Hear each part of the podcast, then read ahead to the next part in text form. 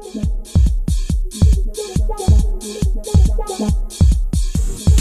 time to kick ass and chew bubble gum. Yes, we, we would like to, um, to have a meet you with a tower.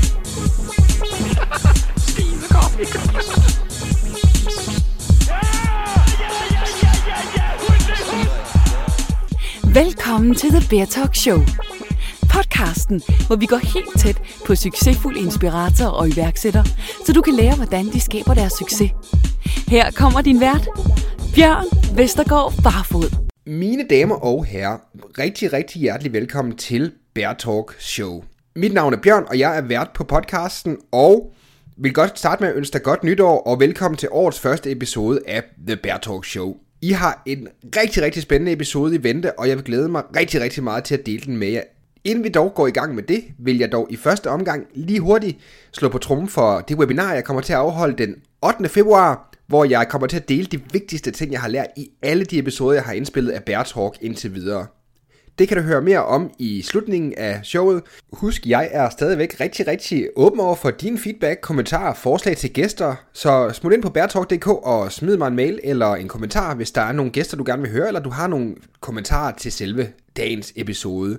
Derudover vil jeg selvfølgelig sætte rigtig, rigtig stor pris på, hvis du vil dele det med nogen, du føler kunne have glæde af den her podcast, eller hvis du går ind og eventuelt giver en ærlig rating og en ærlig review inde på iTunes, for det gør, gør det meget nemmere for mig at vide, om du synes, det er fedt, eller eventuelt, hvad der kunne gøres bedre ved Bear Talk.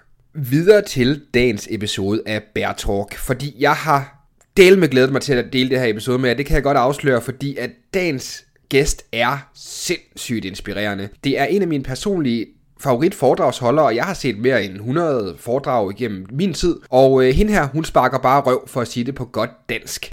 Dagens gæst i Bear Talk episode 14 er ingen ringer end Michelle Hvid.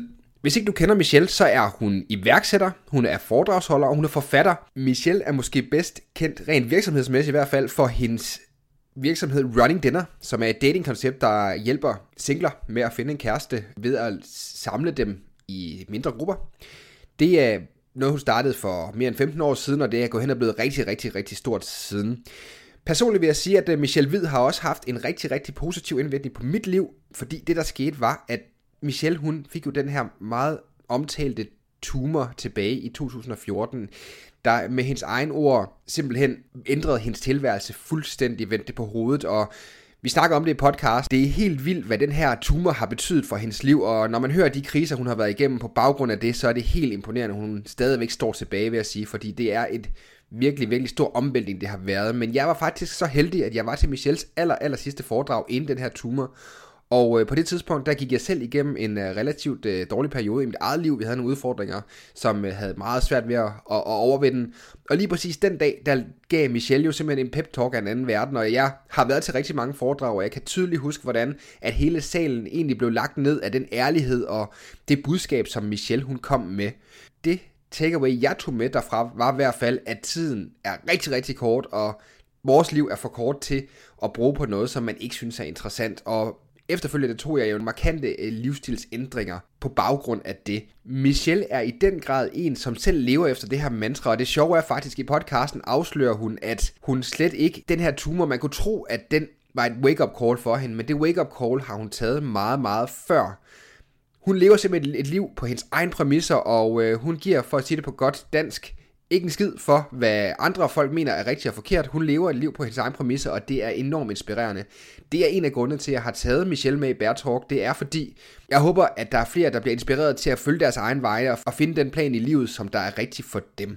At Michelle hun er sindssygt sej, jamen øh, det synes jeg egentlig er meget godt bevist ved, at øh, den her tumorkoldbøtte, som hun selv kaldte det, den øh, gjorde også, at hun mistede meget af førligheden. Hun har faktisk fået en hjerneskade på baggrund af det, men alligevel har hun, til trods for den manglende førlighed, genoptrænet sig så meget, at hun nu skal i gang i den her uge faktisk med at bestige Mount Kilimanjaro til fordel for Børneulykkesfonden. Det er noget, som øh, jeg synes er en rigtig, rigtig værdig sag, som jeg selv har støttet med mine egne penge, og jeg vil opfordre dig til at gøre det samme, fordi det er en meget, meget værdigt sag.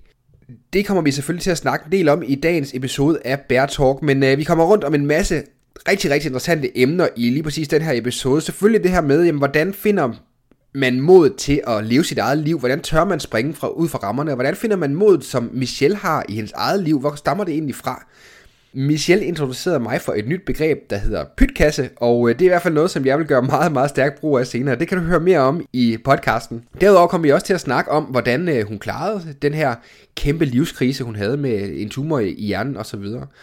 Og øh, så er der selvfølgelig også hele forretningsdelen af det. Michelle, hun er en meget, meget dygtig forretningskvinde, og får nogle konkrete ting at vide i forhold til, hvordan hun har skabt en stor forretning, og hvordan hun er blevet en meget, meget dygtig foredragsholder samtidig. Så jeg synes, vi har et rigtig, rigtig spændende program øh, i vente. Husk som sagt, at øh, der kommer lidt mere information om det her webinar efter podcasten, men indtil videre, så vil jeg øh, tænde op for Michelle. Så rigtig god fornøjelse med podcasten, og endnu en gang velkommen til.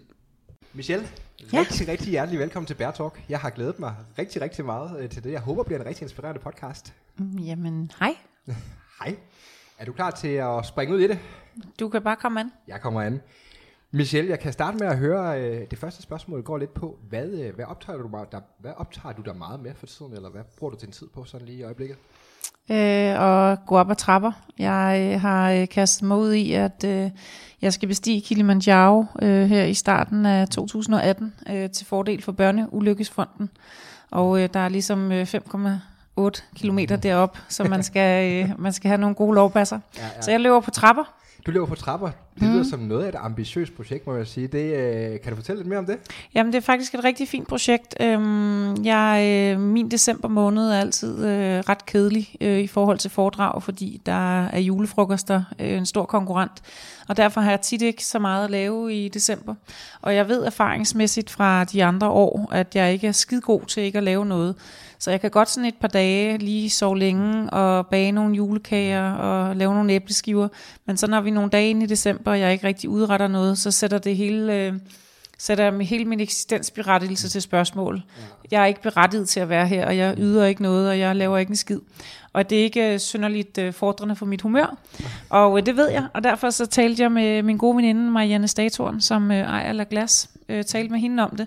Og øh, så sagde hun, at øh, december måned er jo hendes sindssygeste måned. Der står jo 100 mennesker i kø ude foran konditoriet, øh, fra de åbner til de lukker. Og så blev vi enige om, at øh, så, skulle jeg, øh, så måtte jeg have et grønt forklæde på og så svere. Og det synes jeg simpelthen er så hyggeligt. ja. Så jeg skal øh, have en del vagter her på La Glace i december måned, hvor jeg simpelthen skal gå og servere kage. Og øhm, så har La Glace lovet mig øh, hele konditoriet en aften i januar, hvor jeg med kaffe og chokolade og kage og libitum, hvor jeg interviewer Marianne i øh, tre kvarter, og hun interviewer mig i tre kvarter. Vi har kendt hinanden i mange år og respekterer hinanden meget og gode veninder. Og øh, alle pengene fra det arrangement kommer så til at gå til Børneulykkesfonden. Og øh, for at få opmærksomhed på den her sag om børnes, Børneulykkesfonden, så bestiger jeg simpelthen Kilimanjaro i, øh, i januar. Så det er sådan en helt øh, sammenpak af en masse ting, der fletter sig sammen, som giver vanvittigt meget mening inde i mit hoved. Det, øh, det, det må man sige, det er jo enormt, øh, det er en enormt værdig sag for det første. Det er jo vildt fedt og stor respekt for, at du gør det. Øh, Michelle, hvad kan man sige? I forhold til det, så kan man sige, det oplagte spørgsmål, kan man sige, nu snakker vi lidt om, inden vi gik i gang her, i forhold til, at, at du havde jo i slutningen af 14, havde du jo din tumor, og dit liv blev vendt op og ned, kan man Det sige. for eksploderet, Det, ja. eksploderet, kan man sige på en måde. Det er virkelig markant, det der med, at, og ret mig, hvis jeg tager fejl, men på det tidspunkt havde du meget svært også, hvad kan man sige, med førlighed i den ene, i den ene side. Ja, jeg Øh, blev lam i hele højre side, ja. øh, men jeg vil ikke sige, det var det mindste, men det var en lille bitte, bitte ting i forhold til alle de ting, der skete. Jeg blev lam i hele højre side, kunne ikke lukke højre øje. Øh, jeg mistede øh, min kognitive sans, hvilket kort sagt betyder, at jeg ikke øh, var i stand til helt at forstå, hvad der foregik. Mm. Første gang, jeg øh, talte med en læge øh, efter en par, et par meget hårde uger, hvor jeg slet ikke fattede noget som helst, mm. så øh, talte jeg med en læge efter et par uger, der troede jeg, det var 1991, og det er så tre år siden om et par dage. Ja. Øhm, men hele det sygdomsforløb, det fysiske sygdomsforløb, viste sig faktisk at være en, øh, en lille ting af alt det, der skete.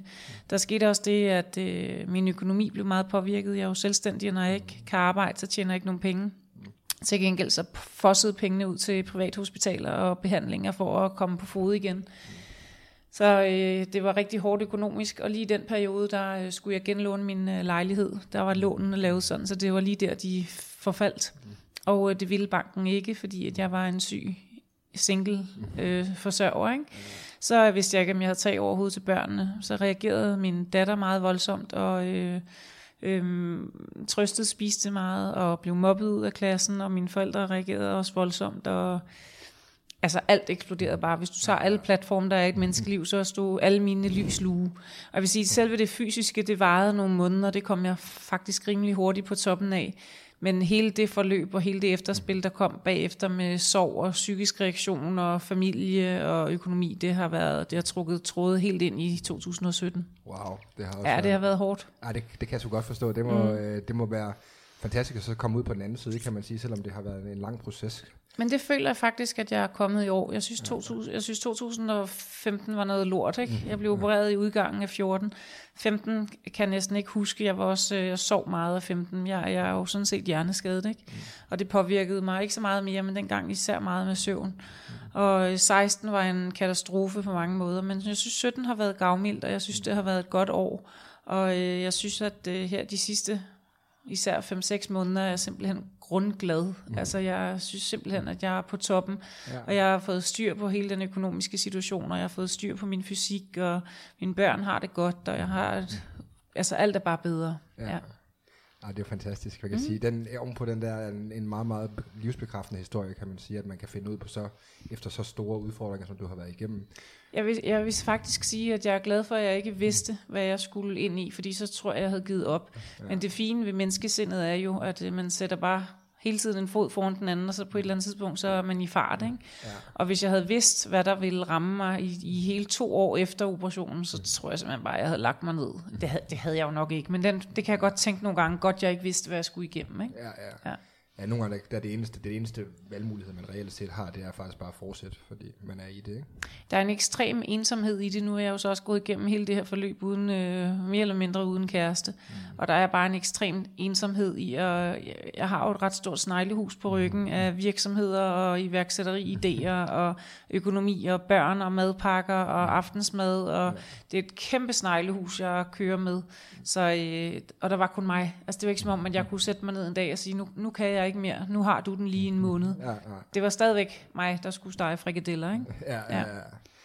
Man kan sige, Michelle, i forhold til det her, det er jo, altså, det er jo en krise, kan man sige, der er så, altså, der alt andet lige forhåbentlig ikke er mange, der, sådan nogle, der kommer igennem. Vi kommer alle sammen til at opleve kriser i vores liv på den ene eller anden måde, men i så voldsom karakter, som du har været ude i, kan man sige, har du nogle, hvad kan man sige, hvad gjorde du for at finde fodfæste i alt det her? Hvordan er du kommet derfra, hvor du var, kan man sige, det her tumoroperation, og så til der, hvor du er nu, hvor man kan sige, at du faktisk er, er grundlykkelig? Jamen en af de ting, som jeg, jeg får det her spørgsmål rigtig, mm. rigtig tit mm. også til foredragene, fordi folk vil selvfølgelig gerne vide det. Jamen jeg har bare lyst til at spørge, til at spørge et, modtra, et, et kontraspørgsmål. Hvad, altså hvad var alternativet? Ja. Altså der er jo ikke noget alternativ. Der var ikke noget at gøre ved det. Jeg tror, at der er flere forskellige faktorer, der har været heldige for mig. Øhm, for det første har jeg ikke været ramt af øh, offermentalitet. Altså jeg har aldrig røget ned i den gryde, der hedder, hvorfor var det lige mig? Mm. Det var det bare. Det var bare sådan, det blev. Ja. Øh, og så måtte jeg ligesom videre derfra. Og så tror jeg bare, at... Øh, altså nu har jeg været iværksætter i over halvdelen af mit liv. Mm. Så jeg har også været vant til at håndtere noget, man ikke ved, hvordan man skal håndtere. Jeg har været vant til at, at finde en vej, øh, hvor der ikke lige var en vej. Så jeg, jeg, øh, jeg er jo en slags verdensmester i at rejse mig op af den simple årsag, jeg er en slags verdensmester i at falde. Ikke? Ja. Så jeg, øh, jamen, jeg er jo en fighter af kaliber, og så, så tænker jeg bare, at man skal altid gøre det sværeste først. Hvis man har en række punkter, noget man skal ordne, så har vi en tendens til at tage det mindst svære af de punkter først, for det er det, vi lige kan kapere. Men når vi gør det, så bliver summen af problemer ved med at være konstant, for det er faktisk det øverste problem på listen, vi skal forholde os til. Og jeg har en tro på, at man hele tiden skal håndtere det sværeste problem først, for så halverer man hele tiden summen af, af sine problemer. Og så er der noget helt lavpraktisk i, at øh, vi skal bevæge os fysisk, så vi bliver trætte og spiser sundt. Og når vi er trætte, så kan vi sove. Og når vi har sovet, så har vi igen kræfter til at håndtere den øverste, sværeste ting på listen. Og øh, så er der den fordel ved det, at når man sover og bevæger sig meget og spiser sundt, så bliver man pænere og pænere at se på. Man bliver stærkere og stærkere. Og det er ikke kun muskler, det er også inde i, inde i hovedet. Og når man så hele tiden halverer summen af ens problemer, så går det faktisk forholdsvis hurtigt. Interessant, interessant svar vil jeg sige, det her med, og det jeg hørte dig sige, det her med at opbygge momentum, er det der, der ligesom er med til at skubbe ind videre, som, som vi har snakket lidt om, at, at gå øh, det skridt ad gangen, og så, så kommer tingene sådan hen ad vejen, kan man sige. Men der, jeg synes ikke rigtigt, der er noget valg. Mm. Øhm, nej, jeg synes faktisk ikke, at der er noget valg. Det bliver man nødt til. Især når man har så stort et maskineri, som jeg har, og så har to, øh, to sæt børneøjne, der kigger op på dig og er vant til, at du er deres fyrtårn, og den vej, du lyser, den vej går de.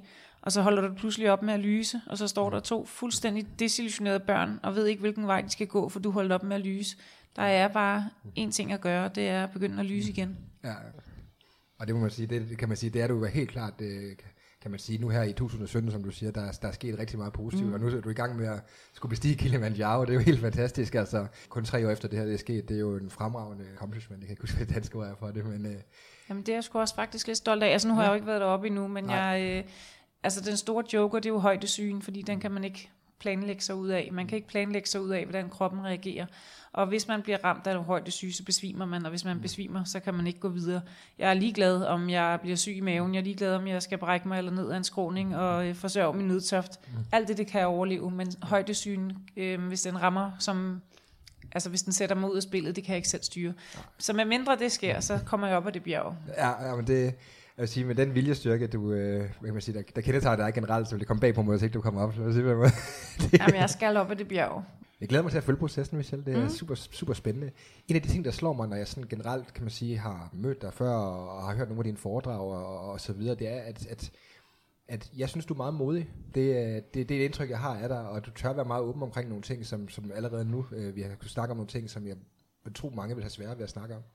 Den modighed, du har i dig, tror du, det er noget, som du har, hvad man sige, fået med hjemmefra? Er det noget, et bevidst valg, du har taget, eller eller kan du... Kan det ikke være begge dele?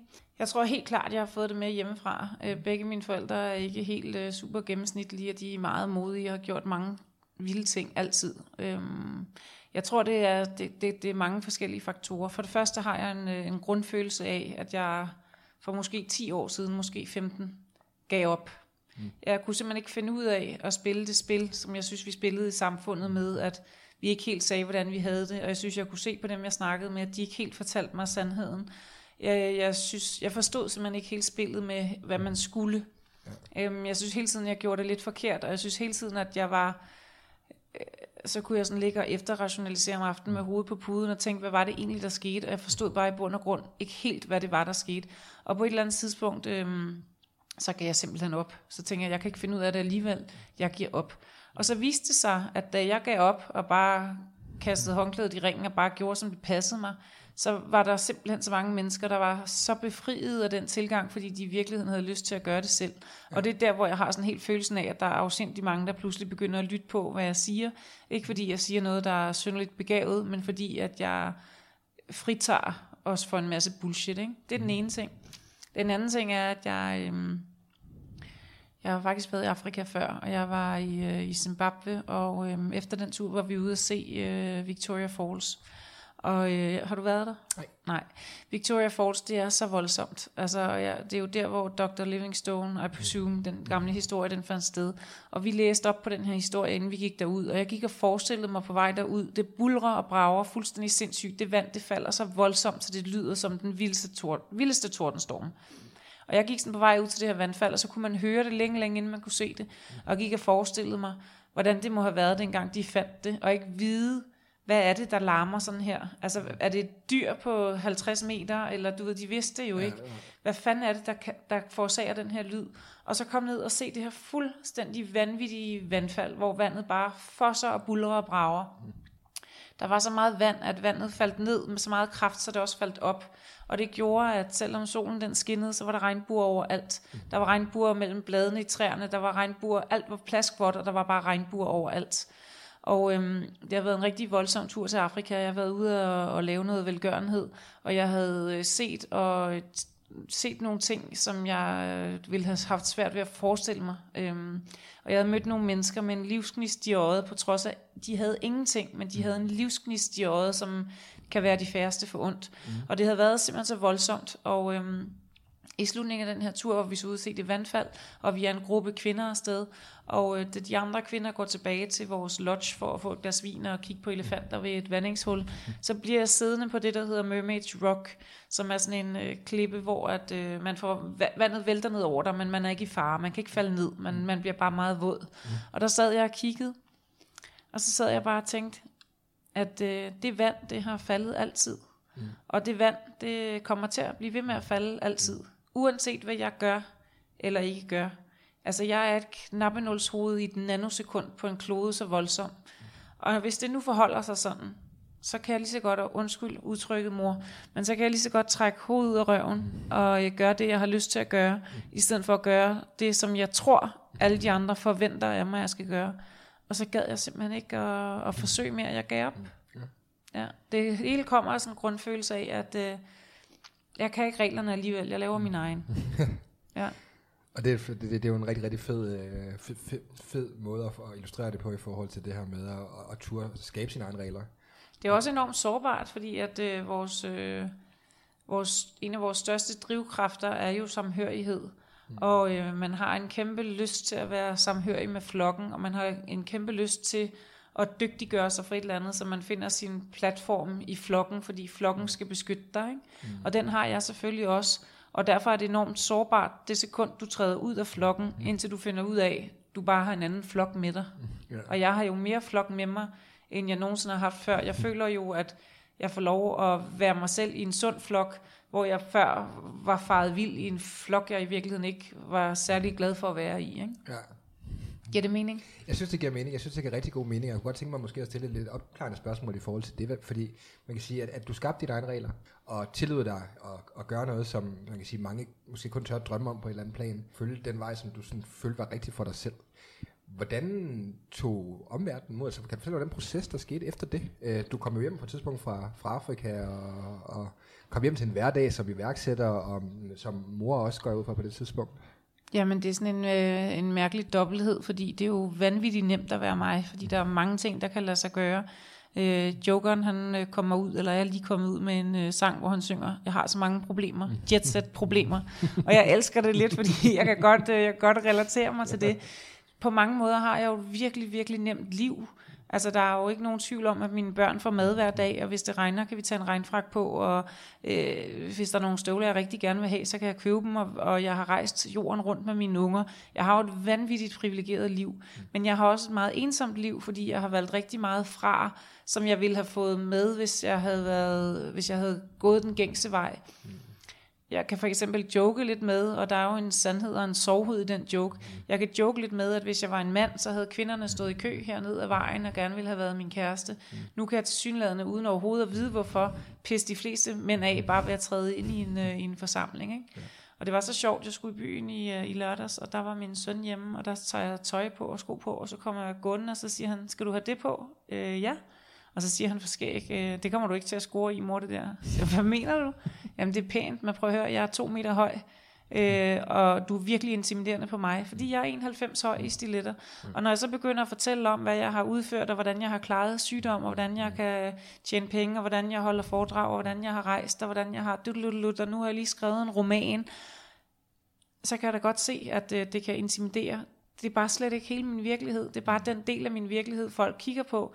Der er jo ikke nogen, der nødvendigvis ser, når jeg ligger her fire dage øh, i træk hele dagen og tænker over et eller andet, og faktisk er en af de mest sårbare, øh, sorgfulde mennesker, jeg kender. Øhm, ja, og så bliver det jo sådan et jetset-problem, så kunne du jo bare, men sådan er virkeligheden bare ikke. Og en af de ting, jeg lærte i hvert fald meget tydeligt i min sygdom, det er, at man kan ikke måle et problem op imod et andet. Hvis der sidder en veninde herovre for mig og siger, at jeg er rigtig ked af det, jeg har taget 5 kilo på, og jeg siger til hende, om jeg har været lam, jamen så kan jeg jo rydde bordet for evigt. Ja. Men det gør det umuligt for mig at connecte med en kvinde, jeg faktisk måske holder af, hvis jeg ikke kan relatere mig til hendes problemer. Så det jeg i hvert fald har lært, det er, at alle problemer er reelle. Man kan så prøve for det enkelte individ at sætte hendes problemer i, i relief forhold til hendes liv.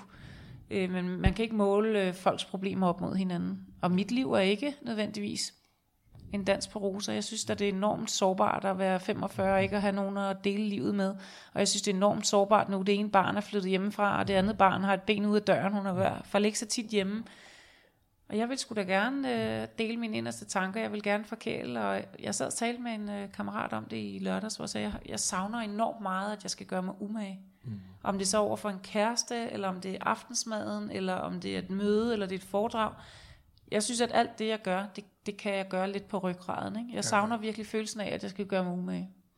Og det lyder jo øh, det, det lyder vanvittigt spændende, Michelle. Man kan sige, det oprindelige spørgsmål egentlig udsprang fra, var det her med din modighed, som mm. vi snakkede om. Øh, Godt og- husket. Ja, man kan sige, at, at, at den modighed, du, du har, så siger du, at det kan, der kommer noget hjemmefra, kan man sige, med dine forældre, som også har været meget, meget modige mennesker. Men også et aktivt tilvalg, at du øh, har, har lavet dig, øh, har lavet, lavet dine egne regler. Og, og Men ved du hvad, jeg kunne egentlig godt tænke mig at øh, udfordre den der, fordi at, hvad hvis vi ikke føler, at vi er modige? Hvad hvis det er andre, der kaster det på os, at vi er modige? Hvad hvis vi i virkeligheden er øh, gigantiske bangebukser? Altså hvad hvis jeg nu har valgt at leve det her liv, som om det er det eneste, jeg har, og jeg kigger rundt på flokken, der til synligheden har valgt at leve det, som om de tror på reinkarnation. Det synes jeg, der er enormt modigt. Den måde, de fleste mennesker forvalter en dag i deres liv på, det er da virkelig modigt, fordi det indikerer, at de helt sikkert regner med, at der kommer en dag igen i morgen. Ja.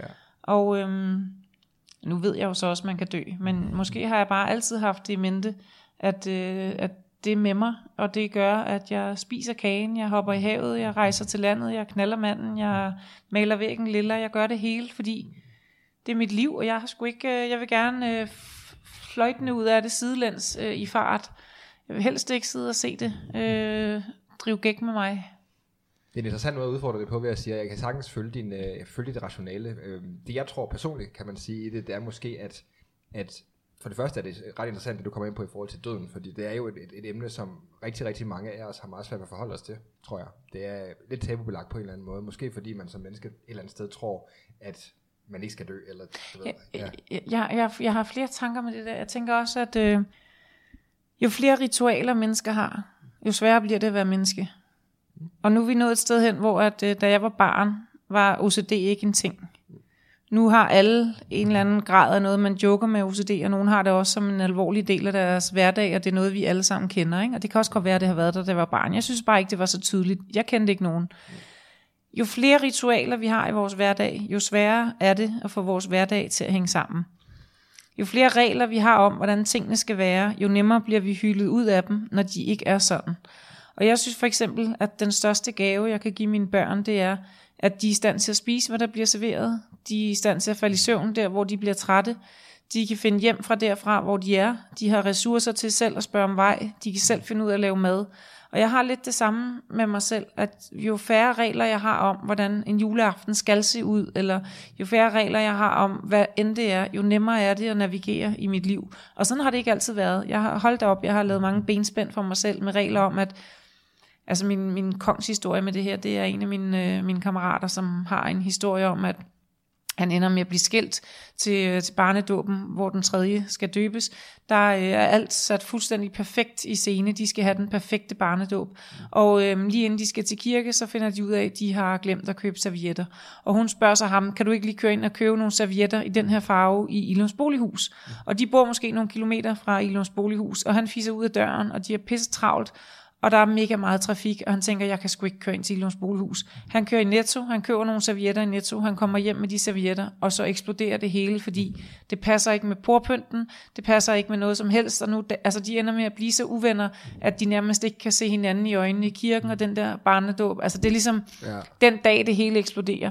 Ja. Og jeg kan sagtens genkende ham, altså mit ham i, hvor, hvor latterligt er det, at servietterne skal være den farve. Ja. Men jeg kan også godt kende hende, for jeg har været hende. Ja. Jeg har udvandret en gang fra juleaften, fordi jeg synes, at de ikke helt forstod, at min regel inde i mit hoved om, hvordan jeg synes, det skulle være, som ja. jeg synes var så naturligt, at de andre måtte tankelæse det, det fattede de ikke, og til sidst blev jeg så rasende, så jeg næsten kørte. Ikke? Ja. Så jeg kan godt se begge dele af det.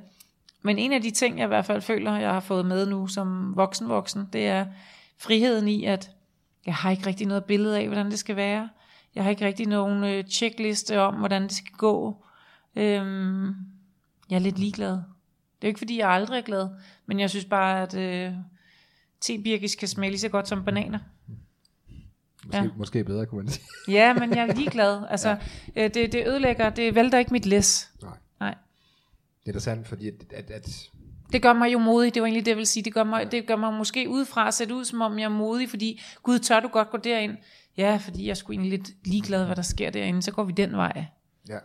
Den, den, den ligegladhed, er det noget, du, øh, er det, hvad kan man sige, er det noget, du er nødt til at arbejde med dig selv i, eller er tror du, det er en vane, Nej, der er blevet så indgroet? Jeg er blevet så gammel, at det giver så meget mening, og der er selvfølgelig nogle ting med mig selv. Der er en masse ting med mig selv, jeg føler, jeg først har lært de sidste par år. Jeg føler, at efter min sygdom har jeg tilladt mig at lære mig selv at kende. Men hele det der med regelsættet omkring, hvordan mit liv skal være eller ikke være, det har jeg bare givet slip på. Altså det har jeg sgu ikke rigtigt. Ja. Det, det, det er sjovt. Hvad, hvad kan man sige? Har du, gør du, har du gjort noget for, at dine børn har fået, hvad kan man sige, at, at give dem den gave med på vejen, at de ikke på samme måde skal lade sig styre af regler og, og så videre? Jeg håber, jeg har gjort det intuitivt ved, at de bare har fulgt efter mig og set, hvordan jeg har reageret i forskellige situationer, og set, hvordan jeg har navigeret, og set, hvordan vi lever, og set, hvad vi kan. Jeg har aldrig sådan, øh, prøvet, jeg har aldrig stået sådan og tænkt, hvis jeg gør sådan her, så virker det sådan her på mine børn. Men der er sket en masse ting, og så har mine reaktionsmønstre i de situationer forhåbentlig givet en afspejling af nogle børn, der tør virkelig meget i livet. Og jeg kan jo, jeg kan jo se nu på min 11-årige datter og på min, nu min søn 19, de er vanvittigt gode til at finde vej i livet. Altså Benjamin, han øh, kan alt, han er 19, han er sgu ikke så super aldersvarende. Og min datter på 11, hun tæsker selv rundt i byen med bussen og gør, hvad hun har lyst til, og er meget selvstændig. Så jeg tror at de har fået det øh, intuitivt med ved at kigge både på min og min families adfærd. Ikke? Mm. Det er, det, det, det, det er spændende, må man sige. Og, og en af de, de ting, jeg får lyst til at spørge dig om, Michelle, i forhold til det her, eller i forlængelse af det her, kan man måske sige, er det her med, altså for at vende tilbage til inden selve koldbøtte, tumorkoldbøtten, og, og den der, det foredrag, som vi snakker om, som, som man kan sige, der ændrede alt, og det, den store inspiration, det gav mig, og lige præcis det, som du siger, var den inspiration, jeg tog med derfra, var lige præcis det der med, at vi har, vi har virkelig kort tid, så vi skal virkelig sørge for at få det bedste ud af den tid, vi er her. Men ved du, hvad det sjove er? Du siger, at det ændrede ligesom alt. Mm. Og så tænker jeg, det kan jeg, godt, det kan jeg faktisk godt forstå, du siger, fordi du hører et foredrag, hvor at jeg holder foredrag 4-5 dage før de åbner mit kranie, og så følger du med derfra. Men hvad hvis det ikke ændrede særlig meget? Hvad hvis det allerede var sådan her før? Ja, Jeg føler ikke, det har ændret sådan super meget, og jeg har tit joket med, at hvis jeg fik den tumor for at få et wake-up call, så havde de valgt den forkerte. Fordi jeg havde sat mit liv på, på spidsen, eller hvad man skal kalde det. Jeg havde ændret de ting, der var vigtige for mig at ændre, længe, længe, længe inden. Altså jeg er smidt ud af folkeskolen, smidt ud af gymnasiet og været selvstændig siden jeg var 20. Hvis det var drejet sig om, at jeg skulle turde tage nogle radikale valg og ændre noget, så havde jeg gjort det. Jeg havde løbet maraton. Jeg havde ligesom testet af, hvor mine grænser gik øh, ved at kaste. Det er jo sådan, man finder ud af, hvem man er. Det er jo ved at tyre en bold op i et eller andet, og så se, hvordan den kommer tilbage. Og jeg havde tyret bolde ind i alt, og jeg havde registreret, hvor de ramte, og hvordan de kom tilbage. Og nu kom der så en til bold, og selvfølgelig var det en vild bold, at jeg skulle have en tumor i hjernen. Men jeg synes sgu ikke, det ændrede sig super meget. Det var bare mere en kæmpe omvej. ja. I hvert fald de første to og et halvt år. Så kan man så sige, nu kan jeg begynde sådan at se tilbage på, at der også var noget godt ved det, og jeg lærte noget af det, og der også er kommet noget godt ud af det. Men det tog fandme lang tid. Det kan jeg godt forstå. Hvad, hvad lærte du af det? Jamen jeg vil sige, at min pytkasse, den er øh, cirka på størrelse med kloden, ikke? altså pyt. Ja. Ja. Jeg, øh, hele det der dramagen, hvor jeg hisser mig op over et eller andet. Øhm, jeg tror, jeg har været øh, hysterisk en gang i år. Det har været i familiens øh, skød. Men ellers så er det svært overhovedet at få dem ud af fatningen, fordi min pytkasse er enorm. Ja. Ja. Pytkasse. Jeg har ikke hørt det ord fra, men jeg kan godt lide det. Mm. det, det, det, det er sjovt, det der, men kan man sige... Må, jeg lige, må jeg lige tilføje noget til det? Ja. Jeg var ude at spise i, øh, i lørdags, og der var øh, Martin Thorborg der øh, med hans nye øh, kæreste. Og øhm, hun øh, leger boliger ud, luksusboliger, som hun, øh, ja, hun leger luksusboliger ud til virkelig velhavende mennesker. Sydpå øh, typisk. Og der øh, var der skiftedag den dag, vi sad og spiste, og det vil sige, alle de spørgsmål, der er omkring boligerne, dem der ikke kan finde ud af at tænde lyset, eller et eller andet, du, det kommer ind der. Mm. Og de kom så ind, de spørgsmål, mens vi sad der og spiste. Og der fik hun blandt andet en uh, sms fra et eller andet par, der havde lejet en bolig, som var frustreret over, at indkørslen kun var 3,5 øh, meter bred. Og der har jeg da også sådan lidt, skal vi ikke forære med en pytkasse? ja. Altså, øh, tror du ikke bare, vi skal lave en pytkasse til de mennesker, så kunne de jo vælge at være super glade over, at de har en, en så privilegeret situation, at de kan få lov at sidde på en bakketop med den vildeste udsigt i en villa et eller andet sted i Spanien i solnedgangen, og glæde sig over, hvor vildt et liv de har, i stedet for at lade sig frustrere over, at indkørslen er 20 cm øh, smallere, end de synes, det var på billedet. Ikke? Ja. Så må vi lave en pytkasse til dem. Det, det, det kan være, det er den vej, vi skal gå. Mm, jeg kunne godt tænke mig at uddele pytkasser. Det, det job vil jeg gerne give dig, Michelle. Ja, tak. Jeg tager det. Det er ret sjovt. Hvad hedder det, i forhold til det der med at gå efter som siger, drømmen og, og, og leve, leve livet nu og her, hvilket er meget det, jeg kan fornemme, at det er den måde, du lever på, uden regler, med en stor pytkasse. Har du, har du nogle, hvad kan man sige, nogle, nu, ved, nu kan jeg næsten fornemme i forhold til det svar, du gav tidligere, at, at du prøver at holde dit liv så, kan man sige, ritual eller vanefrit som muligt, fordi det, det giver dig en stor frihed. Men har du nogle, har du nogle måder, at du sikrer dig, at du tjekker ind på, at du egentlig er på rette spor i dit liv? Giver det mening?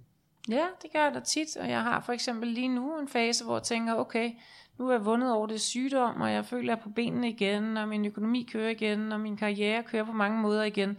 Men det er ikke, fordi det er super interessant for mig. Mm. Og så går jeg og gør mig en masse spørgsmål om, hvad er det, jeg godt kunne tænke mig? Hvad vil jeg gerne have ud af 2018? Jeg når til en ny fase i mit liv, hvor at jeg ikke behøver at hente unger hver dag klokken 5 og hjem og lave aftensmad. De kan selv finde hjem, og den ene er flyttet, og hvad er det egentlig, jeg gerne vil? Og så er jeg ude og stikke en masse følger ud og tale med en masse mennesker om, hvad skal mit næste kapitel være? Hvad er det, jeg øh, skal... Øh, jeg, jeg vil enormt gerne fortsætte med det her inspirationscirkus, som jeg har haft kørende længe. Og jeg bliver enormt motiveret og, og glad, når du for eksempel fortæller mig, at øh, jeg har haft betydning for, hvordan der er din kone et eller andet. Det bliver jo selvfølgelig enormt berørt af, og den, det vil jeg gerne fortsætte af. Men hvilken vej skal jeg gøre det på? Jeg har lige skrevet en roman, den kommer ud her i, øh, i 2018. Det er selvfølgelig spændende om, hvordan... Jeg synes, jeg har haft sådan nogle faser, så var jeg dating Michelle efter running dinner, og så har jeg været sygdoms Michelle, og hvem skal den næste Michelle være? Det ved jeg ikke. Øh, men et eller andet, der gør mig i godt humør. Og det, er det, det, er det, du går og tykker lidt på nu, så hvad det, hvad, hvad det kan være? Ja, jeg kan godt, øh, ja, jeg kan godt øh, jeg synes, spændende. Jeg synes, jeg står et spændende sted. Jeg, kan, jeg synes, jeg har frit valg på alle hylder. Jeg skal bare vælge, hvilken en af dem, jeg øh, går i flæsket på. Og det, det ved jeg så ikke helt endnu. Men det er jo et enormt privilegeret sted at være. Det er det, det øh, man, man vil sige. Ser du det som et hvad vil sige, resultat af, at du har tur og kaste så mange bolde op på væggen, øh, og, og prøve dig selv så meget i forskellige sammenhæng, at du nu er der, hvor du er nu? Men jeg, men jeg har aldrig tænkt, nu gør jeg sådan her, så sker det, og så gør jeg sådan her, så sker det. Og når nu, folk nogle gange spørger mig, øh, vil du ikke holde et, et, øh, et foredrag om personlig branding, så tænker jeg, det kan jeg slet ikke finde ud af, for jeg ved slet ikke noget om personlig branding. Det er bare noget, der er sket. Ja. Det er bare noget, der er sket, og den proces har jeg lært mig selv bedre at kende, og jeg har lært mine grænser bedre at kende, og jeg har også lært nogle andres grænser bedre at kende, og jeg, øh, jeg er måske i det hele taget bare blevet rundere. Øhm, men det har aldrig været sådan et øh, mål i sig selv, at nu gør jeg sådan her for at se, hvad der sker. Jeg har bare gjort det, så har jeg registreret, hvad der skete. Øhm, og sådan tror jeg også, det bliver fremadrettet. Jeg øh, ser mig ikke selv som sådan en 10-års planlægger overhovedet. Det er, du er meget endnu, kan jeg fornemme. Fuldstændig. Og det er jo så heller ikke helt rigtigt, fordi at børnene skal jo i skole, og der skal jo være madpakker i køleskabet, og og nogle gange så er der nogen, der gerne vil, vil teste mig, og så siger de, Nå, hvis du kun gør ting, du godt kan lide, hvorfor smører du så madpakker? Jamen det gør jeg, fordi jeg godt vil have, at mine børn er sunde, og raske og mætte. Altså, så der er jo, og, og du sagde også før, at du går udenom alle de her rutiner. Det passer jo heller ikke helt, fordi der er jo en, hvis man har styr på de vigtigste rutiner i ens eget liv, så giver det jo også mulighed for at øh, teste alt muligt andet af. Og der er jo nogle ting, der er fuldstændig øh, vandtætte i mit liv, og det er sådan, det er, ikke? Øhm, og uden dem, så tror jeg at jeg vil øh, miste fodfæste. Sådan helt lavpraktisk, så, øh, så skal jeg i kappad øh, helst hver dag, i hvert fald 3-4 gange om ugen. Det føler jeg er min øh, oplader, ja. og det er et kæmpe vandspil, og jeg håber ikke, der er nogen miljømennesker, der hører det. Men, jeg, men at lægge mig derude, det er simpelthen som at putte sin telefon i en oplader. Ja. ja. Det er det, der giver dig energi, kan man sige. Det, det giver mig voldsomt meget energi at ligge derude i halvmørke og høre noget musik og sterin lysskær og ligge og tænke, så kan jeg godt ligge og planlægge de næste par dage. Ja det meget, det meget sjovt. Jeg har ikke hørt nogen af mine andre tidligere gæster, der har brugt jeg må sige, den der, altså, fordi det var så det, jeg ville udfordre lidt på i forhold til rutiner, fordi jeg kan sagtens følge dig, at rutiner kan sagtens blive en spændetrøje, mm. men det kan også være det, der kan give os, hvad kan man sige, frihed på et eller andet plan, fordi at hvis man, for eksempel i forhold til det her med, jeg ved rigtig mange af dem, jeg har interviewet, har nogle meget faste morgenrutiner, øhm, og det øh, er noget, der gør, at de får de op, behov opfyldt, som de skal have om morgenen, for at de har det energiniveau resten af Jeg har også nogle rigtig faste morgenrutiner. Vil du høre, hvad de er? Det vil jeg meget gerne. Jeg stopper og vækker min datter og sender hende i skole, så går jeg i seng igen. det, er, det er en god morgenrutine. det, det er cirka sådan, det er. Ja. Og så står jeg op ved tidtiden. Det passer jo ikke helt, fordi hvis jeg skal lidt eller andet, hvis jeg har møder, så står jeg selvfølgelig op. Men nok 3-4 dage om ugen, så går jeg i seng igen, og så står jeg først op ved tidtiden. Og øhm, nogle dage træner jeg, og så kommer jeg for sent ud af døren, og så spiser jeg en banan, og andre dage, der øh, laver jeg det helt store optræk med avocados, avocado og salater og hygger mig. nogle dage går jeg i bad. Altså, der er ikke noget, der er ikke noget fast fast. Jeg tænker sådan, er der noget, jeg gør fast? Jeg tror, den mest faste ting, du kan finde øh, i mit liv, det er, at jeg går i seng, og så lytter jeg til podcasts og lytter til bøger øh, t- i mørket, mens jeg falder i søvn. Det er sådan det eneste gennemgående tema i alle mine dage. Ja, okay. Ja. Men der vil jeg da hellere ligge og kysse på en lækker mand. Jeg kan bare ikke finde ham. det, det er en opfordring, der her med givet videre til ja, lytterne. held og lykke med det. Ja. Hvor meget, altså, hvor meget gør du det, vil du tro? Sådan, øh, altså, ikke kysser på en lækker mand, men, Nej, det er sløjt med det.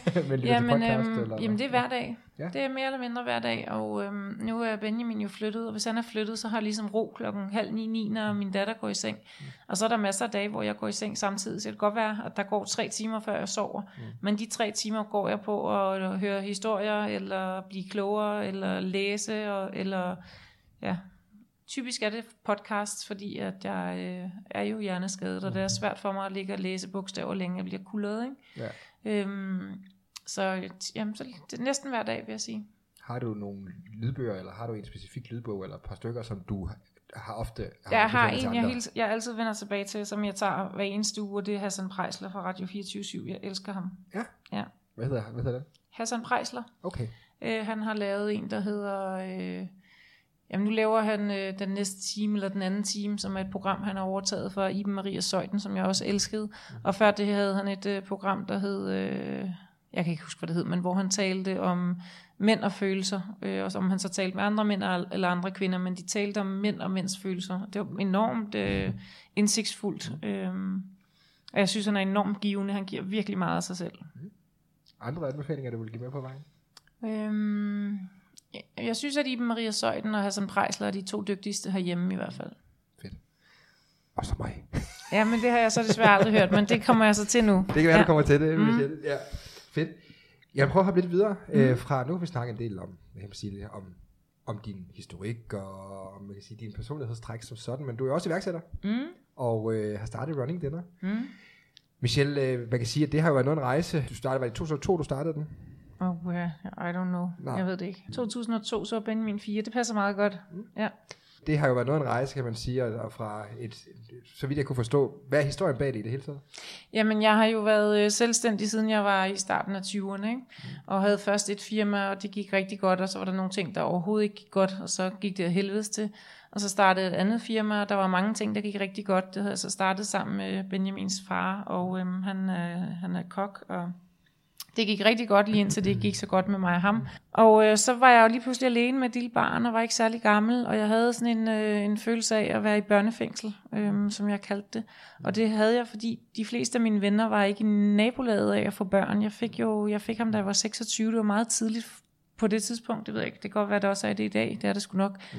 Og øhm, om aftenen så gik de i byen, og når de først skulle i byen, jamen, der havde Benjamin allerede sovet i flere timer, men jeg kunne ikke tage med, for jeg havde ikke råd til en babysitter, og jeg skulle også være derhjemme, og så følte jeg mig i børnefængsel, og øhm, det børnefængsel, det hudede mig bare ikke godt. Altså, jeg, jeg var ikke glad der. Jeg er helt klart en, der er glad i, for relationer. Altså, jeg synes, det vigtigste på kloden, og det eneste, det, den valuta, jeg har to ting, vi gør valuta op i, det ene er stempler i passet, og det andet er, andet er vores personlige relationer.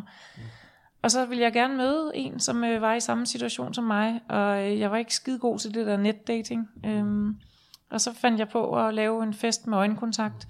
Og så som det så tit har vist sig, som ligesom er blevet en del af min såkaldte karriere, det er, at når jeg har et behov for et eller andet, så viser det sig, at jeg bare er en, en i en endeløs strøm af mennesker med det samme behov.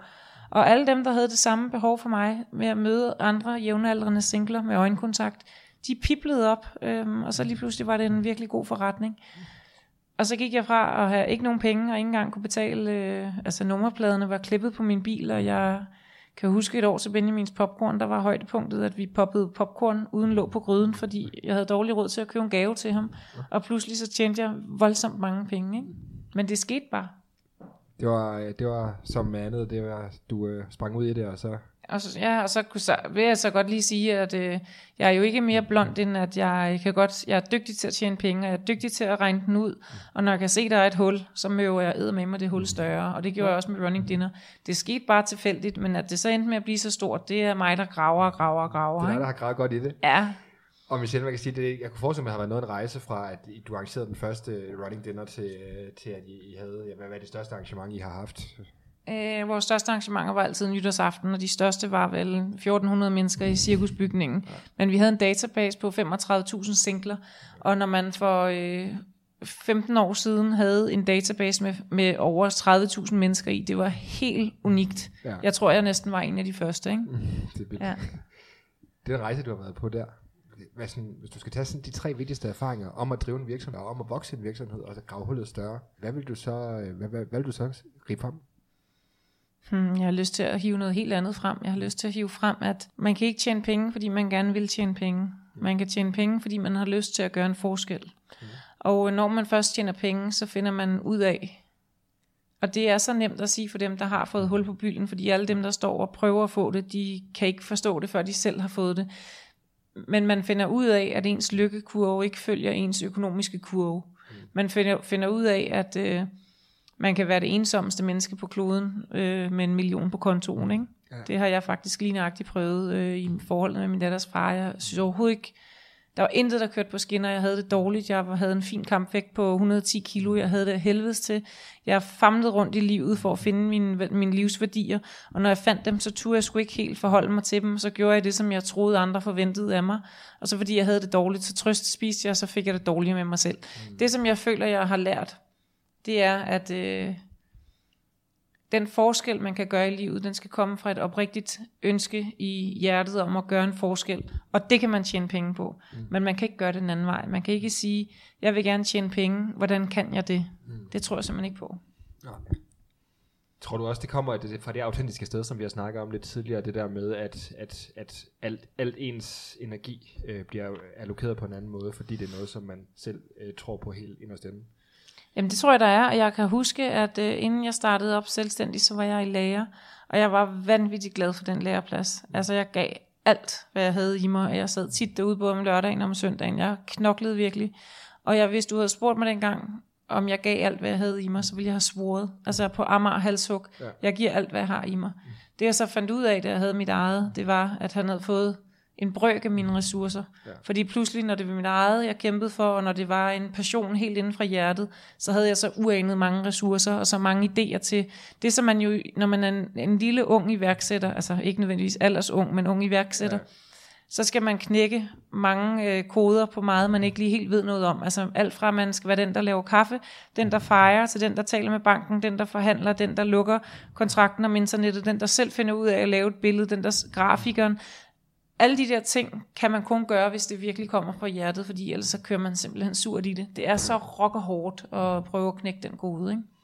Det kan jeg sagtens, det, kan- det, det kan jeg sagtens ikke genkende til, kan man sige. Mm. Det, det sjove er, synes jeg generelt set, når jeg ser, altså jeg, kan man sige, omgås med masse iværksættere, og, og generelt set, så synes jeg, det virker til, øh, at, at de har et andet drive, de har en anden passion for deres, øh, kan man sige, daglige arbejde. Men ved du hvad, jeg kan godt savne det. Jeg kan godt savne den der følelse af at ligge vågen om natten, fordi man skal finde ud af, hvordan man takler et eller andet, man ikke har prøvet før. Mm. Og det er jo en, altså nu er jeg en gammel dame, og nu er det blevet sådan en livserfaring, at øh, jeg ved godt, hvordan jeg skal gøre, og jeg har også et netværk af den anden verden, så jeg har altid nogen, jeg kan ringe og få til at hjælpe mig. Og jeg kan næsten ikke forestille mig en knude, kode, jeg skal knække, som jeg ikke vil vide, i hvert fald, hvordan jeg skulle gå i gang med. Jeg kan godt savne lidt den gang, hvor at man havde et formål, der var større, end man egentlig formåede, hvor man lå vågen om natten for at forholde sig til, hvad, hvordan takler det her smart. Ligesom jeg også godt kan misunde 68 generationer oprøret. Jeg kan misunde, at vi mangler en, en fælles sag. Mm. Og de sager, der så er, dem synes jeg fandme ikke, at vi kan finde ud af at tage på os. Altså vi burde jo alle sammen stå i fælles front mod miljøet, mm. men vi fitter bare rundt, og inklusiv mig selv, og flyver på, til New York på weekend, og bruger mere CO2. Vi kan kraftedeme ikke finde ud af at få hovedet og røven og finde en sag, der er større end os selv. Og dem, der har det, det kan jeg godt misunde. Ja, jamen det, er, det, det, det, det, det kan jeg godt sagtens følge dig af. Mm. Det er enormt, enormt spændende tanke at gå ud af, kan man sige. Apropos kaste sig ud i ukendt vand, øh, større sag. Vi snakkede lidt tidligere om øh, inspiration, og den inspiration, du har givet mig, min kone, for den mm. skyld, eller kæreste, eller så. Men også det her med, at, at, at på et eller andet tidspunkt, kan man sige, efter running dinner, eller hvad- mens du havde running dinner, kastede du det også ud i foredrag? Og Nej, men det der skete, det var, Ja. ja. jeg kastede mig ikke ud. Jeg sad ikke en, en aften herhjemme og tænkte, nu vil jeg bevæge dig over i en foredragsvirksomhed. Mm det, der skete med Running Dinner, det var, at fordi jeg var så uddannet og uskolet, og aldrig har været i en koncern, og aldrig haft en chef, og aldrig har studeret, så vidste jeg simpelthen ikke, at jeg gjorde en masse ting i Running Dinner-regi på en fuldstændig uortodox måde. Jeg vidste ikke, at sådan gør man ikke. Hvor fanden skulle jeg vide det fra? Jeg havde aldrig gået i skole, jeg havde aldrig, altså jeg, havde, jeg vidste det ikke. Så jeg gjorde bare det, der faldt mig mest naturligt. Og det viste sig at være et kæmpe hit. Altså det blev en meget stor forretning meget, meget hurtigt. Og øh, vi tjente rigtig mange penge rigtig hurtigt. Og da jeg så gjorde det, så begyndte alle mulige mennesker fra alle mulige virksomheder at ringe til mig og spørge, om jeg ville komme ud og fortælle om, hvordan jeg havde gjort, og hvordan jeg så, og hvordan jeg ville takle. Og så øh, var jeg ude og fortælle nogle gange, og fandt ud af, at det måske skulle være det, jeg var skabt til. Jeg har altid været retorisk enormt stærkt, og det gav fuldstændig mening. Og nu havde jeg også noget, jeg kunne, øh, kunne fortælle om. Og så begynder øh, jeg at holde nogle foredrag på niveau med, at du får en øh, pose kaffe og en flaske rødvin, og tak fordi du kom, til at jeg tænker, at det her, det kunne jeg faktisk godt tænke mig at, at drive til noget større. Og så holder jeg øh, nogle foredrag, og øh, synes faktisk lidt, at jeg knækker koden til det.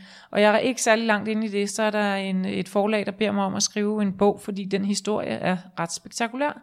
Og den skriver jeg så ned, og den bog, den blev en bestseller. Den røg i andet oplag på tre uger. Og i kølvandet på det holder jeg rigtig mange foredrag. Mm. Og så fik jeg ligesom skabt en foredragskarriere. Og den kører jo så stadigvæk. Altså jeg tror, jeg holder mellem 80 og 100 foredrag om året. Og det er en vanvittig god forretning. Og jeg elsker at tale med folk. Og jeg at blive sindssyg af transporten. Og derfor er det, jeg går og overvejer nu. Jamen, hvad er næste step? Altså, jeg kan godt holde 800 foredrag igen til næste år. Og det giver mig øh, et godt år og meget frihed. Men jeg savner at ligge søvnløs om natten, fordi jeg ikke ved, hvordan jeg skal knække en eller anden nød. Ikke? Det, er- det, det, det er interessant, og en interessant vej ind i det. Det er min sige. drivkraft. Ja, Det er ikke penge. Penge har aldrig været det. Øhm, ja. fedt. I forhold til foredrag, Michel, der er jo rigtig, rigtig mange, øh, som gerne vil have deres hvad kan man sige, budskab ud og inspirere verden, kan man sige. Du sagde selv, at, at du knækkede koden på et eller andet tidspunkt. Hvis, der er nogen, hvis du nu for eksempel øh, havde en ven eller en af dine børn, der pludselig kommer og sagde, mor, hvordan kommer jeg godt i gang med at, at, at holde foredrag? Hvad, hvad vil du så råde dem til at komme i gang? Der var en, der spurgte mig så sent som i lørdags. Og øhm, nu nændede jeg ikke at sige noget. Vi stod også i høje hæle og festsko. Så jeg tænkte bare mit at holde bøtte. Men hun kom ligesom over og sagde, jeg kunne godt tænke mig at finde på noget interessant, jeg kunne holde foredrag om. Men sådan fungerer det ikke. Det er den anden vej rundt. Du har noget interessant. Og det er din fucking pligt at fortælle verden og rykke dem. Og det er jo tydeligvis det, øh, helt hvor man- anti-janteland gør, som jeg har gjort med dig, når du sidder her flere år efter, og jeg godt kan se stjernerne i dine øjne, når du fortæller om det foredrag, du så. Jeg føler simpelthen, at jeg har en pligt til at fortælle den historie. Og det, der sker, og det, der er sket meget fint hen over de mange år, jeg nu har holdt foredrag, det er, at det starter som et ego-projekt. Se mig, se hvad jeg kan, se hvad jeg har udrettet, klap af mig, vær, vær stolt, se op til mig. Se, det går over en fase, hvor at jeg oprigtigt ikke føler, at det handler om mig mere. Det er skidelig glad. Jeg er skidelig glad, om du synes, at jeg er smuk eller begavet eller sjov. Det, der interesserer mig, det er, om jeg har ramt plet, så den siger ding ind i dig, så du går en anden vej hjem. Det drejer sig ikke om mig mere.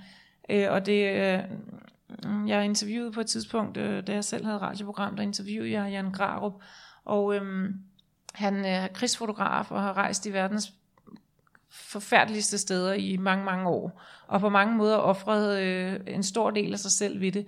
Og han ender så midt i det hele på grund af noget helt andet, og bliver alene med nogle børn. Og på trods af det, så rejser han stadigvæk rundt i de her krigszoner, hvor han er meget, meget udsat. Og så kan man sige, det er jo verdens største egoisme, at han vælger at risikere sig selv, når der er nogle børns liv, der drejer sig rundt om, at han provider. Men man kan også vente rundt og sige, at det ville være verdens største egoisme, hvis han ikke brugte den platform, der var blevet ham givet, hvor han har mulighed for at vise os noget, vi ikke tør se. Og så er han pludselig bare mediet. Han er ikke ego-mennesket. Jan, jeg kan jo ikke tale om det på hans vegne, men jeg kan sige helt klart på min egen vegne, at jeg står ikke op på den scene i håb om, at du tænker, hold kæft, hvor er hun klog. Jeg står oprigtigt op på den scene i håb om, du tænker, jeg skal huske at sige til min kone, jeg elsker hende, og jeg skal stå et kvarter tidligt op i morgen, fordi jeg skal forfine den her idé. Ja. Det er et øh, vanvittigt godt råd. Øh, og det, jeg har hørt andre rigtig dygtige foredragsholdere sige det samme, lige præcis, at, at man skal ikke komme fra et sted, hvor man gerne op på en scene og stå, men man skal komme fra et sted, hvor man har noget, man reelt set gerne vil have Ja, og lige er hende, der kommer over til mig den anden dag, og hun, og hun, hun, hun er et navn, og hun er smuk, og hun er fantastisk, og folk vil købe billetter, bare fordi hun er den, hun er. Og hun siger, at jeg skal finde på et eller andet at tale om. Jamen, så fungerer det bare ikke. Du bliver aldrig en dygtig foredragsholder. Du bliver en dygtig foredragsholder, når du stiller dig ud på en altan og råber, fordi du oprigtigt håber, at verden hører.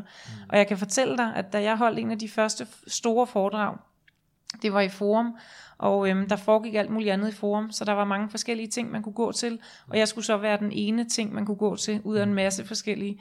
Og jeg var bare ikke noget trækplaster, fordi folk vidste ikke, at jeg havde en historie at fortælle. Og da jeg begyndte mit foredrag den dag, der startede jeg med at sige, hej mor, tak fordi du kom. For der var 300 stole, og min mor var den eneste, der sad nede på den stol. Og hvis man ikke har nosser til det, og gør det en gang til, og gør det en gang til, så skal man holde sin kæft. Hvis man kommer, fordi man glæder sig til at spejle sig selv i en fuld sal, sådan fungerer det altså ikke. Det er rigtig, rigtig, rigtig, rigtig spændende, Michelle. Tiden går jo alt, alt, alt for hurtigt i mm. godt selskab. Jeg plejer altid at slutte min, øh, min podcast af med sådan nogle ret hurtige spørgsmål. Mm, øh, som fast segment, og øh, dem tænker jeg, dem jeg stille til dig nu. Det ene har vi været lidt inde på, men har du nogle bøger, som du anbefaler, ofte anbefaler til andre, eller som du selv har som sådan en favoritbog? Nu ved jeg, nu læser du ikke så meget mere, men måske førhen. Rejsebøger. Se verden. Øh, spejl dig i andre menneskers kulturer. Forstå, hvor andre mennesker kommer fra. Når du er i stand til at se, hvor andre mennesker kommer fra, så forstår du bedre, hvem du selv er. Og det gør man bare ude, øh, i, ude, ude i kloden og ude i noget, vi ikke helt forstår. Og når man, øh, ja, når man først har set et andet menneskes perspektiv med sine egne øjne, så er man også bedre til at forstå sit eget perspektiv. Så jeg vil til hver en tid sige, øh, bøger, der åbner horisonter. Øh, jeg vil ikke komme med et bestemt bud, Øh, men bøger, der viser dig noget, eller bøger, der sætter øh, spørgsmålstegn ved alt, hvad du tror. Der er ikke noget, der er mere interessant, end hvis der kommer en og ryster din virkelighed. Fordi når du, hvis du snakker med, med en om din virkelighed, med en anden, der har den samme virkelighed, så kan I sidde og bekræfte hinanden i jeres virkelighed, men der er ingen af jer, der bliver klogere. Åh, oh, det er så godt sagt. Jeg, oh, jeg kunne snakke om det der rigtig, rigtig længe. ja. Jeg hørte lige præcis en, en, en, en person, jeg respekterer rigtig højt i dag, der lige præcis sagde det der med, at, at man skal passe på med de her meget polariserede, i forhold til, nu snakker vi en lille smule om sociale medier tidligere, men den der polariserede ting, der er, mm. hvor man har travlt med at så sidde og så nedgøre modstanderen og, og, og klappe hinanden på ryggen. Og, øh, det, Sådan fungerer det ikke. Man bliver, ingen nej. bliver klogere. Nej, lige præcis. Mm. Lad os lægge den der, og så sige, for mm. ellers så kommer vi til at snakke alt for længe om mm. det, Michelle. Det næste spørgsmål. Øh, hvordan fejrer du dine succeser? Hmm, det tror jeg faktisk ikke, jeg er specielt god til. Øhm, jeg tror, jeg er så meget med at få ting til at lykkes, og når det så lykkes, så er jeg allerede over i den næste. Men det er jo også en fejring. Men hvis det er sådan noget med at åbne champagne og ringe rundt og, og klippe et bånd og købe en gave, fordi jeg har klaret, det tror jeg ikke, jeg gør. Øhm, jeg tror, min, øh, min største succeser, det, min, min største succeser, det er at se mine ungers vanvittigt gode evner til at navigere i livet. Mm. Og den glæde kan jeg, altså, jeg sad derovre, jeg har sådan en seng oppe i mit køkken, det lyder lidt mærkeligt, men der er sådan en seng, man kan ligge daybed oppe i mit seng, der, oppe i køkkenet, der sad jeg i går og kiggede på, at ungerne vaskede op og laver mad, og så kan jeg godt ligge og tænke, hold kæft, hvor har jeg klaret det godt, altså. De er mine, øh, ja, de er mine små øh, soldater. De er, de, de er stadig de helt små børn, så det er de bare ikke længere. Nej, altså de er jo nogle store børn, men jeg synes fandme, at øh, jeg har givet dem en god platform, og de skal nok finde vej i livet. Jeg glæder mig helt vildt til at se, hvordan. Ja. Det er rigtig, rigtig spændende. Michelle, to spørgsmål tilbage. Mm. Det første det er, hvis øh, du havde mulighed for at sende en sms-besked til alle mennesker i hele verden, hvad skulle der så stå i den sms-besked, og hvorfor? Giv et kompliment. Giv et kompliment. Ja, fordi at jeg vil ved på, hvis jeg havde tid til at sidde og spørge dig ind, så er der en eller anden engang, der har sagt et eller andet til dig, som har ændret din tilgang til alt, hvad du troede, du vidste, og hvad du selv troede, du kunne formå. Og jeg tror oprigtigt på, hvis vi alle sammen var bedre til at løfte hinanden, hvis vi var bedre til at sige, hvor ser du godt ud i dag, eller hvor er det flot, det du har lavet, eller gud, hvor smager det godt, eller må jeg holde døren for dig, eller tag du bare elevatoren, jeg tager trapperne. Hvis vi alle sammen gav et lille bitte stykke af os selv, så tror jeg simpelthen, at vi kunne løfte kloden op til et helt højere niveau. Og når vi kunne det, så kunne vi alle sammen gå i seng med et lidt større smil på læben, og så kunne vi stå op lidt mere i overskud i morgen. Og jeg tror oprigtigt på, at de lykkeligste mennesker i verden er dem, der giver mest. Det tror jeg, du har ret i. Sidste spørgsmål. Mm. Michelle, det er det her spørgsmål, der hedder, hvad er det bedste råd, du nogensinde har fået? Gør det sværeste først. Gør det Jeg har ikke først. fået det, jeg har givet det. Du har givet det. det der er ingen Jante i dagens øh, episode. Mm. det er også et rigtig, rigtig godt råd, Michelle. Det har været en fornøjelse. Det har været fantastisk. Tak, men det glæder mig. Og øh, hvis det nu er sådan, lytterne synes, at det har været fantastisk, og har lyst til at fange dig på sociale medier eller andet, hvor skal Så har jeg en fest på de sociale medier. Ja. Jamen, den hedder bare Michelle Hvid, og den er på både Insta og LinkedIn og Facebook, og jeg er over det hele, og jeg, øh, jeg har det så sjovt, og jeg, jeg har bare min egen dagsorden. Altså, når alle andre lægger et billede op af deres perfekte måltid, så trykker jeg noget mad ud af en tube, fordi jeg nægter den der virkelighed, vi er gået i gang med at glorificere. Fantastisk. Og sidste spørgsmål. Øh, nu har du, startet jo, kan vi sige, meget passende s- slutte af med, da vi startede, fordi at du skal jo gå på Kilimanjaro øh, lige om lidt. Jo. Mhm. Mm. Øh, hvis vores lytter, eller hvis lytterne gerne vil støtte det, Ja, det må de meget gerne. hvordan gør de? Så kan de, øh, det kan de finde inde via min, øh, min Facebook, men inde på Børneulykkesfonden kan man også, også finde et, øh, et link ind til det, der hedder et højdemeter sponsorat, hvor man kan støtte den her. Det vil jeg være frygtelig glad for. Det Ja. ja. vil jeg have med at gå videre øh, til lytterne, og så sige tusind tak. Det har været fantastisk, Michelle. Tak for din tid. I lige måde. Ja, det er Bjørn. Jeg kan egentlig kun uh, sige tak, fordi at uh, Michelle havde lyst til at komme med i Bear Talk, og uh, så kan jeg som sagt kun opfordre dig til at så støtte op omkring uh, hendes projekt med at så bestige Mount Kilimanjaro, fordi at uh, det støtter som sagt uh, Børneulyksfonden, og det er en værdig sag at støtte, hvis du spørger mig, så jeg synes, du skal gå ind på michellevid.dk og læse mere om, hvordan du kan støtte, eller gå ind på børneulyksfonden.dk, hvor at du også kan læse mere om, hvad du kan gøre for at så støtte deres arbejde. Endnu en gang, tak fordi du lyttede med. Jeg håber, du synes, det var rigtig fedt at høre på Michelle. Og øh, generelt set er jeg jo altid åben over for din feedback og dine kommentarer. Gå ind på bærtalk.dk og øh, smid en kommentar eller en mail. Som sagt i introen, så har jeg jo et webinar, som jeg godt vil snakke en lille bitte smule om, fordi at jeg har efterhånden haft fornøjelsen og været så heldig at interviewe en masse virkelig dygtige, virkelig inspirerende mennesker. Blandt andet Michelle, som øh, er med i dagens episode, men selvfølgelig også Jakob Jønk, Mads Fagerholt, Mads Timmermand, Søren Lønge osv. osv. Jeg har nogle meget, meget, meget inspirerende mennesker inde i podcasten hele tiden, og øh, man kan sige, hvis man skal tage nogle takeaways fra den her podcast, altså man kan sige nogle overordnede cliff notes, kald det hvad du vil, for hvad øh, det bedste er, jeg har fået ud af, for jeg har også lært meget af at have så dygtige mennesker i studiet.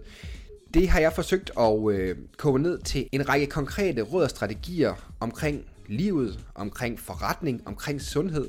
Generelt set så øh, er min ambition at holde et webinar her den 8. februar, hvor jeg vil dele de vigtigste takeaways, jeg har for de her, jeg har 25 episoder skudt nu, på nuværende tidspunkt er godt nok kun 14, der kommer ud, men øh, jeg har altså haft en del interessante mennesker igennem, og øh, de vigtigste ting, de har at sige, det har jeg forsøgt at komme ned. Det er klart, der kommer nogle mønstre, nogle tendenser, begynder jeg at se i, hvordan folk de lever, nogle tendenser i forhold til, hvad, hvad gør folk for at skabe succes i deres liv, hvordan holder de sig sunde, og selvfølgelig også, jamen, øh, hvordan skaber de egentlig en succesfuld forretning, og øh, det har jeg tænkt mig at berige dig med i et gratis webinar den 8. februar kl. 20, så skynd dig allerede så gå ind på bærtalk.dk forward slash webinar.